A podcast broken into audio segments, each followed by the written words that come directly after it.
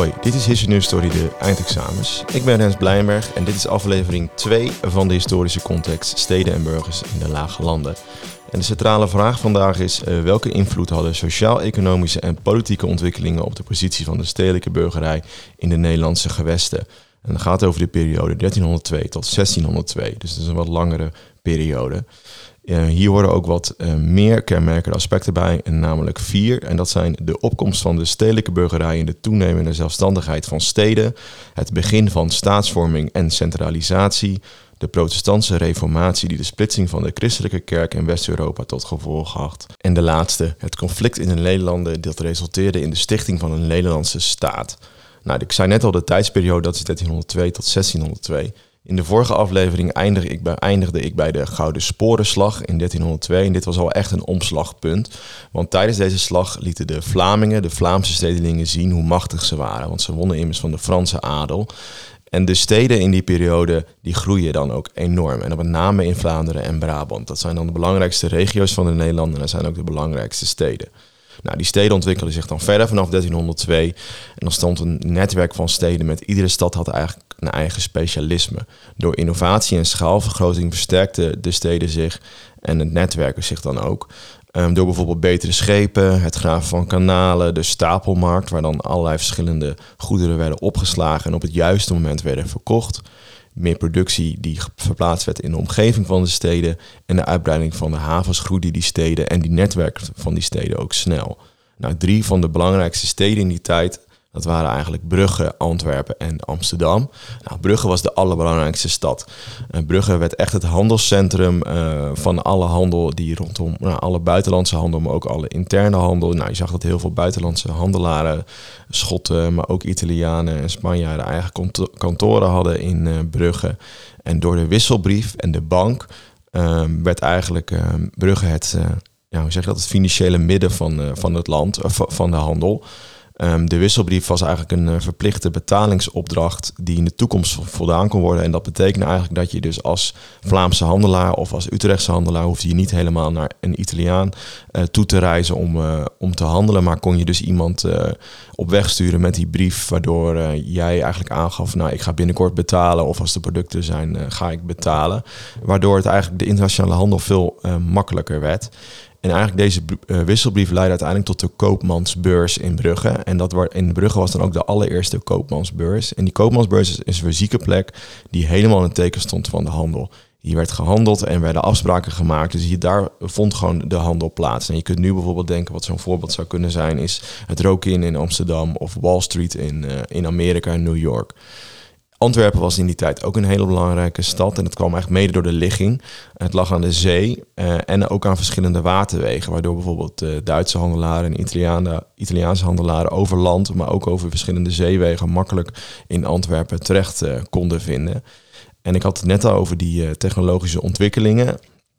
Ja, bijvoorbeeld die grote zeeschepen en die innovaties. Nou, Antwerpen was dus zo'n haven waar er wel plek was voor juist die grote zeeschepen, terwijl het in Brugge niet zo was. Het laatste voorbeeld is uh, Amsterdam, wat ik net al zei. En Amsterdam ging zich helemaal specialiseren in de graanhandel. Dus dat specialisme komt dan naar boven. En die jaarmarkt of die stapelmarkt. Want Amsterdam ging dus alle graan uit de Oostzee opslaan uh, in Amsterdam. Waardoor dat de plek werd waar eigenlijk alle handel ging via Amsterdam. Uh, alle graanhandel. En, en zij konden dan op het juiste moment ook de juiste graan verkopen tegen de juiste prijzen. Nou, dus uh, op die manier uh, gingen deze drie steden zich verder uh, ontwikkelen en werden zij steeds belangrijke st steden. Nou, in de eerste aflevering zei het ook al. Nou, in steden wonen natuurlijk burgers en die, en die burgers werden steeds rijker. Dus dat was eigenlijk ontstaan van een stedelijke burgerij die ook steeds bleef groeien en ook weer steeds machtiger werd. Naast dat het steeds meer taken had overgenomen van de adel, zoals in aflevering 1 zei, ik al dat zelfbestuur bijvoorbeeld, nam het ook langzaamaan taken over van de geestelijkheid. Ze gingen steeds meer zorgen ook voor de sociale voorzieningen in de stad. Denk aan uh, nou, zorg voor de weduwe of zorg voor de ouderen, maar ook onderwijs. Um, en eigenlijk hadden zij dus als taak, met name het stadsbestuur dan, uh, dat ze het algemeen belang van de stad en van de stedelingen bevorderden. En dat gingen ze dan ook steeds meer uh, doen. En, maar dit betekent ook dat de geestelijkheid zich ging aanpassen. En ze gingen zich steeds beter, uh, zeg je dat, verdiepen in wat nou de stedeling wilde en daar zich daarop aansluiten. En dat deden ze eigenlijk, uh, twee bekende voorbeelden die eigenlijk terugkomen in de stof zijn de begijnhofjes en de bedelorders. Nou, een begijnhof is een verzameling van individuele en of gemeenschappelijke woningen van begijnen, meestal in de nabijheid of een kapel of een kerk. En een begijn, dat is een vrouw. En als het een man is, heet het een bogaan. Um, die lid is van een Rooms-Katholieke lekengemeenschap, waar men samenleeft als geestelijke zusters, zonder een kloostergelofte afgelegd te hebben. Dus ze zijn niet officieel geestelijke, maar ze leven wel zo. Ehm, en een andere belangrijke geestelijke ontwikkeling uh, was dus die bedelorders, dat mensen zich door bedelen zichzelf eh, konden onderhouden. En dit laat eigenlijk zien dat het heel erg um, meer geïndividualiseerd was. Dus je koos er zelf voor om bijvoorbeeld in zo'n zo te gaan zitten, of je koos er zelf voor om te gaan bedelen en zo je eigen hachje bij elkaar te verzamelen. Nou, en dan uh, zie je eigenlijk dat er in die tijd ook een hele belangrijke geestelijke ontwikkeling is, die de moderne devotie heeft. Ontstaan is in Deventer door Geert Grote. En eigenlijk ging dat over die steeds beter of steeds meer geïndividualiseerde stedeling, die zelf eigenlijk ging kiezen hoe die zijn geloofsbelevenis uh, ging doen. Um, en eigenlijk door. En de moderne devotie is dus een religieuze beweging die ervan uitgaat dat je zelf ook verantwoordelijkheid hebt voor je geloofsbeweging. He, je kan zelf lezen uit de Bijbel in je eigen taal eventueel. En je kan zelf kiezen hoe jij uh, God uh, eert of, uh, of je, hoe vaak je gaat bidden, hoe vaak je naar de kerk gaat. Nou, kortom, dus door die groei van de steden veranderde dus echt de maatschappij. Er kwam meer macht voor de rijke burgerij en niet meer zozeer voor de, voor de adel die vaak buiten de steden wonen.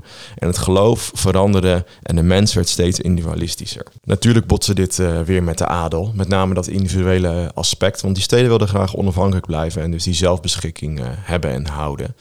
Maar vanaf de 15e eeuw kwamen steeds meer steden in handen van de Burgondische vorst. Door allerlei slimme huwelijken bij deze familie haar macht uit vanuit Noord-Frankrijk. En de Burgondische vorst wilde dan ook hun gebied centraliseren en vanuit één gebied eigenlijk uh, regeren. En dan natuurlijk door die vorsten.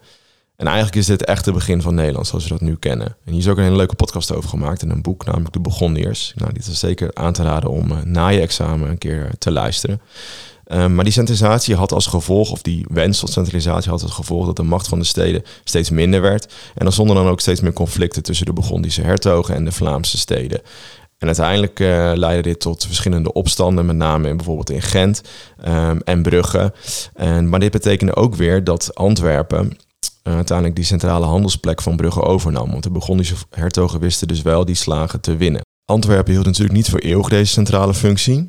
Want in de 16e eeuw trouwde Maria van Bourgondië, dus van die Bourgondierse familie, uh, met de Habsburgse koning en wordt Nederland onderdeel van het Habsburgse Rijk.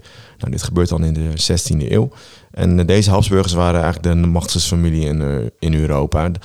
want ze waren ook de koningen van Oostenrijk en ook de koning van Spanje. En zo kwam eigenlijk Nederland uiteindelijk in Spaanse handen. Nou, dan kun je ook terugdenken aan ons volkslied en dit onthouden, want we zijn natuurlijk van Spaanse bloed. Nou, die Spaanse Habsburgse koning heette Philips en die heerste dus dan over de Nederlanden. En hij botste eigenlijk uh, meteen ook met die onafhankelijkheidswens van de steden. En tegelijkertijd was hij enorm uh, katholiek.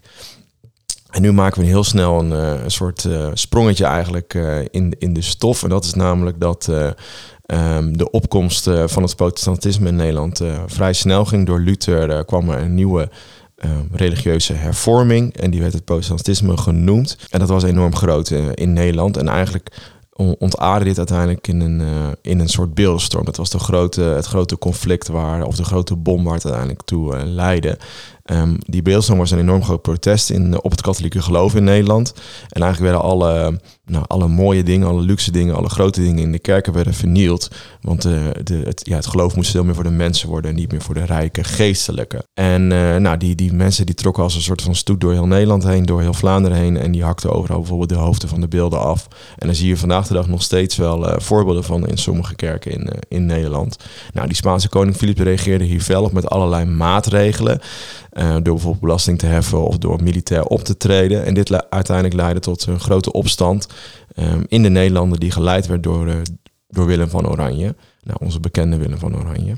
En deze opstand had grote gevolgen voor de steden eh, in Nederland en met name voor Antwerpen. Want die opstand of die oorlog was eigenlijk een oorlog tussen steden en tussen de Spanjaarden. En niet zozeer tussen het land of de Nederlanden en, uh, en, Spanje, maar tussen de steden en de, en de Spanjaarden. En uh, verschillende steden zoals Alkmaar en Leiden werden omsingeld en, en belegerd. En de ene stad wist te winnen. Denk maar aan Leiden, wat ze iedere dag, ieder jaar nog vieren. Uh, maar andere steden wisten verloren, bijvoorbeeld Antwerpen. Antwerpen valt dan ook in Spaanse handen in 1585. En dit leidde uiteindelijk tot minder handel en een grote uitstroom van handelaren richting Holland. En dat kwam eigenlijk omdat uh, Spanje, of dat Antwerpen natuurlijk verbonden was met de zee, maar er zat nog wel wat land tussen. En dat land eigenlijk daartussen was in, uh, in handen van, uh, van de opstandelingen onder leiding van Willem van Oranje, waardoor er eigenlijk geen schip meer kon uitvaren. En hierdoor werd de handel volledig uitgeknepen in Antwerpen en vertrokken de meeste handelaren richting het noorden, richting Amsterdam. En de Gouden Eeuw start dan eigenlijk ook uh, met, met die overname van, uh, van die centrale positie door, uh, door Amsterdam. En nou, die periode, de periode van deze aflevering wordt afgesloten met de stichting van de, van de VOC in 1602. En dat is eigenlijk het startsein van de, van de echte oude Gouden Eeuw en de echte, het handelsimperium in, uh, in Nederland. Nou, de centrale vraag van deze aflevering was uh, welke invloed hadden de sociaal-economische politieke ontwikkelingen op de positie van de stedelijke burgerij in de Nederlandse gewesten? Nou, als je goed kijkt naar de kenmerkende aspecten, komen er wat dingen naar voren. Maar als je ook goed geluisterd hebt, dan heb je gehoord dat ik de volgende zaken heb behandeld, namelijk de groei van het specialisme, innovatie en de schaalvergroting in de steden leiden tot onafhankelijke en machtige steden en ook individualisering van, van de stedelijke burgerij, wat ook weer gevolgen had voor de geestelijke en je, je de religieuze beweging in Nederland. Uh, maar tegelijkertijd werd die onafhankelijkheidswens of die individualisering ook steeds betwist door de Begondiërs en de Habsburgers. Nou, in de volgende aflevering gaan we in op de laatste periode van, eh, van deze historische context. En dat is in hoeverre bepaalde de burgerij de ontwikkeling in de republiek in de Gouden Eeuw van 1602 tot 1700. Tot de volgende aflevering.